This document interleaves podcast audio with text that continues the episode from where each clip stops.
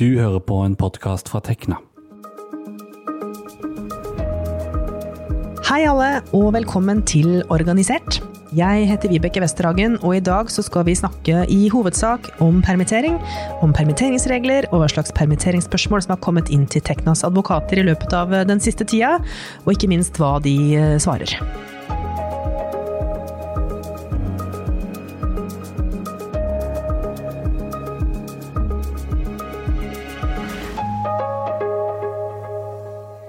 Kjølvannet av koronaviruset er nå mange redd for jobben sin og inntekten sin. Og mange har allerede blitt permittert eller fått permitteringsvarsel, og mange lurer på om de blir de neste. Svært mange tillitsvalgte, bl.a. fra Tekna, er nå med på å drøfte permitteringer, alternativer til permittering, varslingsfrist, kriterier for utvelgelse osv. Og de prøver også å gi trygghet ved å støtte, lytte og svare på spørsmål som medlemmene har.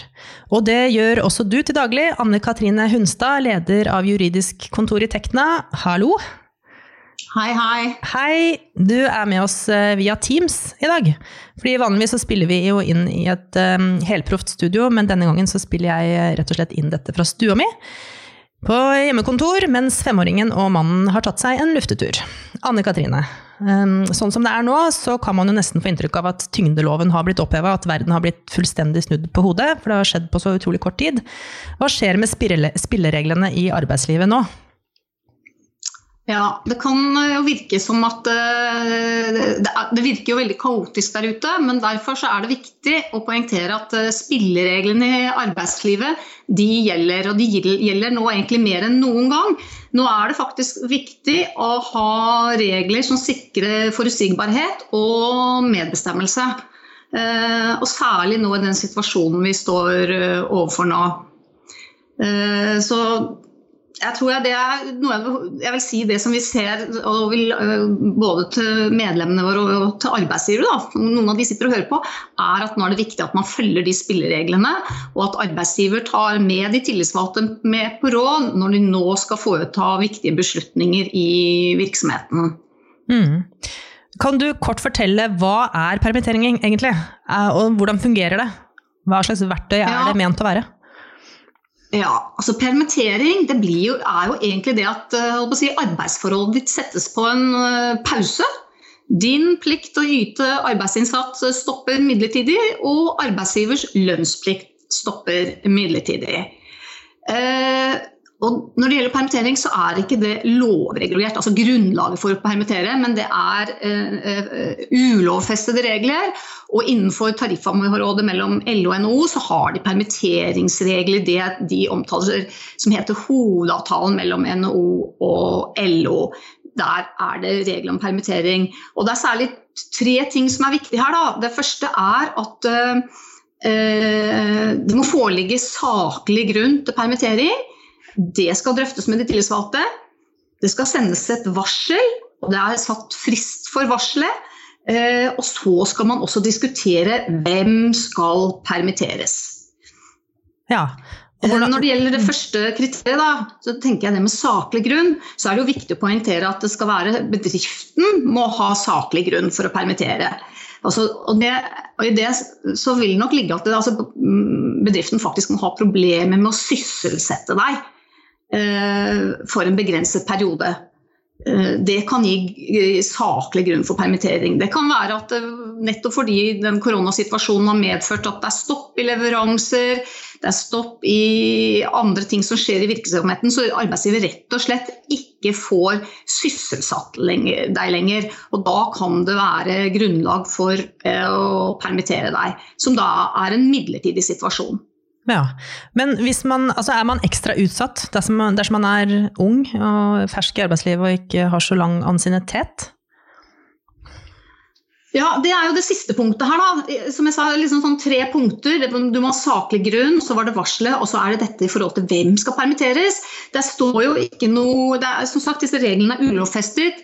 LO-NHO-avtalen så er nok utgangspunktet at det skal være ansiennitet, men det kan fravikes hvis det foreligger saklig grunn for det. Eh, og det vi ser Når det gjelder våre medlemmer, så er det veldig raskt og fort sånn at arbeidsgiver velger å legge vekt på kompetanse.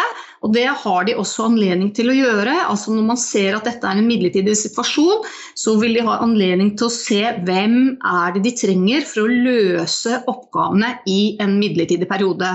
Så vi vil nok se her at eh, når det nå permitteres, så vil nok arbeidsgiverne i langt større grad legge vekt på det kompetansebehovet de har, enn nødvendigvis ren ansiennitet.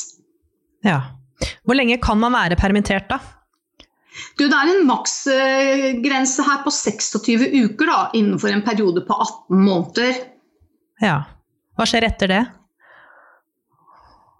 Da må de bestemme deg om du skal tilbake til jobb. Ja. Så er det viktig Vibeke, at vi må ta med det ved varselet. fordi det, dette er jo en sånn trinnvis eh, prosess. da. For det første så skal jo arbeidsgiver eh, eh, drøfte med tillitsvalgte om det foreligger saklig grunn. Eh, så skal det jo sendes et varsel til hver enkelt eh, om, eh, om permittering. og hovedregelen er at det varselet skal være på 14 dager før det blir iverksatt permittering. Eh, så er det en, eh, i hovedavtalen LO-NO også en sånn unntaksregel ved uforutsette hendelser. Og det vi nå ser er vel at veldig mange arbeidsgivere kaster seg på den todagersfristen og Det kan jo hende at koronaviruset medfører at man bruker at det, er, at eh, det er fullstendig stopp i virksomheten. La oss si sånn at Hvis Mattilsynet kommer og stopper en eh, virksomhet sånn umiddelbart, ja da skjønner vi at ok, det var en sånn uforutsett hendelse som kanskje gjør at man må bruke denne todagersfristen. Men nå har dette koronaviruset nå har det pågått en stund, så jeg har liksom litt vanskelig for å se at man skal fravike denne 14-dagersfristen. Så det er vi litt nøye med å si til de tillitsvalgte. At de må, dette må arbeidsgiver eh, ta opp, og det må drøftes med dem. Denne fristen, at hvorfor de i så fall skal fravike 14-dagersfristen og varsle. Mm. Og etter at den fristen er eh, løpt ut, altså disse 14 dagene, så er du sånn at arbeidsgiver Da kommer du inn i en annen fase. Disse 14 dagene er du på jobb. Så går du over en annen fase. Da er det sånn at da kommer vi inn i det som heter arbeidsgiverperioden. Og den har i løpet av eh, denne uka, eller forrige uke, rettere sagt, så ble den forkortet fra 15 dager ned til to dager.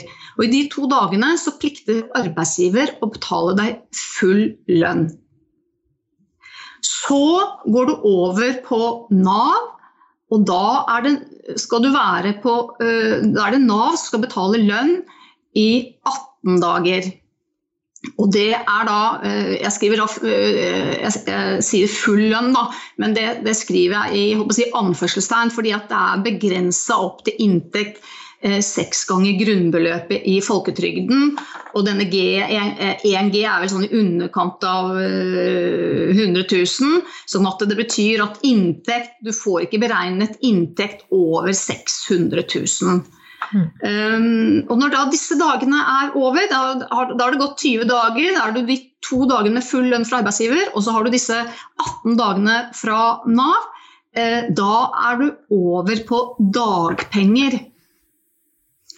Ja. Eh, og da har vi også fått nye regler. For dagpengene de skal utgjøre 80% av dagpengegrunnlaget ditt opp til 3G. eh, og 62,4 av den delen av dagpengene som er mellom 3G og 6G. Ja. Og dette er regler som nå trådte i kraft fra 20.3. Mm. Så det er ganske sånn Det er mye informasjon, da. Ja, det er mye informasjon, og så er det jo mye endringer som skjer kjapt her nå. Um, hvis man skal følge med uh, og holde seg oppdatert med ordentlige kilder her, så er jo tekno.no sikkert en, en, god kanal, men også nav.no, vil jeg tro. Er det andre kilder du vil anbefale folk å følge med på hvis de nå ender opp med permittering? Ja, Du nevnte i hvert fall det, viktigste. Jeg tror det er veldig viktig nå å se dette med Nav. Nav har gode sider. Nav har det veldig travelt om dagen, men, da, men du finner mye god informasjon på Nav sin side. Eh, men jeg vil også oppfordre folk til å se på Arbeidstilsynets sider. som oppdateres fortløpende. Mm. Hva, altså dere får inn veldig mange spørsmål om permittering, selvfølgelig, men hva annet er det medlemmene lurer på nå? Eh, det har vært noe om foreldrepermisjon. Eh, det er henvendelser fra personer som kanskje er akkurat gått ut i foreldrepermisjon, eh, er i ferd med å gå ut i foreldrepermisjon, mm. og som da får si, varsel om permittering.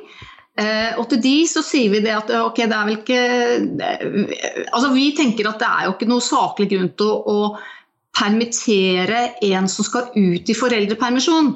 Eh, men, men, reglene er i hvert fall at når du går ut i foreldrepermisjon, så skal, er det det som gjelder. Eh, da du, får, du foreldre, får, du pengene fra Nav, og så er det visst sånn at du er tilbake og bedriften er permittert, vel så er det jo mulig at de da kan iverksette en permittering overfor deg. Eh, så det er den ene situasjonen. Eh, så får vi nok også noen henvendelser nå fra uh, unge som har fått seg ja, De er vel kanskje akkurat ferdig med studiet da, og har fått seg ny jobb. Og som nå får varsel om at arbeidsgiverne kanskje ser at de ikke kan begynne pga. situasjonen. Ja,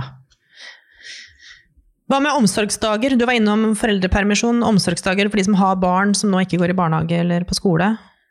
Ja, Det som er viktig, er jo at her har også myndighetene um, eh, endra disse reglene og på en måte dobla dagene for arbeidstakere. Altså De som i dag har eh, arbeidstakere som i dag hadde krav på ti dager, har fått dobla eh, den kvoten sin for kalenderåret 2020. Og Det gjelder jo også de som har andre, altså som har utvidede rettigheter pga. enten man er aleneforsørger eller har funksjonshemmet barn, så har de også fått doblet Eh, dagene eh, for kalenderåret 2020. Eh, og så har myndighetene også sagt at det er mulighet for å overføre dager der man f.eks. har en hvor en av foreldrene har si, en samfunnskritisk funksjon og må være i arbeid og ikke selv kan ta disse dagene. Da kan den, disse dagene overføres til den andre forelderen. Og Det tenker jeg kan være veldig praktisk. Vi får en del spørsmål om det, og det tenker jeg er veldig sånn praktisk uh, i, i, disse dagene. Mm. Tusen takk, Anne Katrine. Det var en uh, veldig nyttig oppsummering. Um, dere legger vel ut informasjon fortløpende etter hvert som dere får uh, informasjon, vil jeg tro, på tekna.no. Det gjør vi. Ja, så jeg oppfordrer alle til å følge med der. Takk for praten, Anne Katrine Hunstad, leder av juridisk kontor i Tekna. Til sist så kan jeg nevne at du som er medlem i Tekna, du får fritak for medlemskontingenten eh, mens du er permittert. Vi høres snart igjen. Takk for at du hørte på. Dette har vært en podkast fra Tekna, en fagforening for deg med mastergrad i naturvitenskap, realfag eller teknologi. Les mer om oss på tekna.no.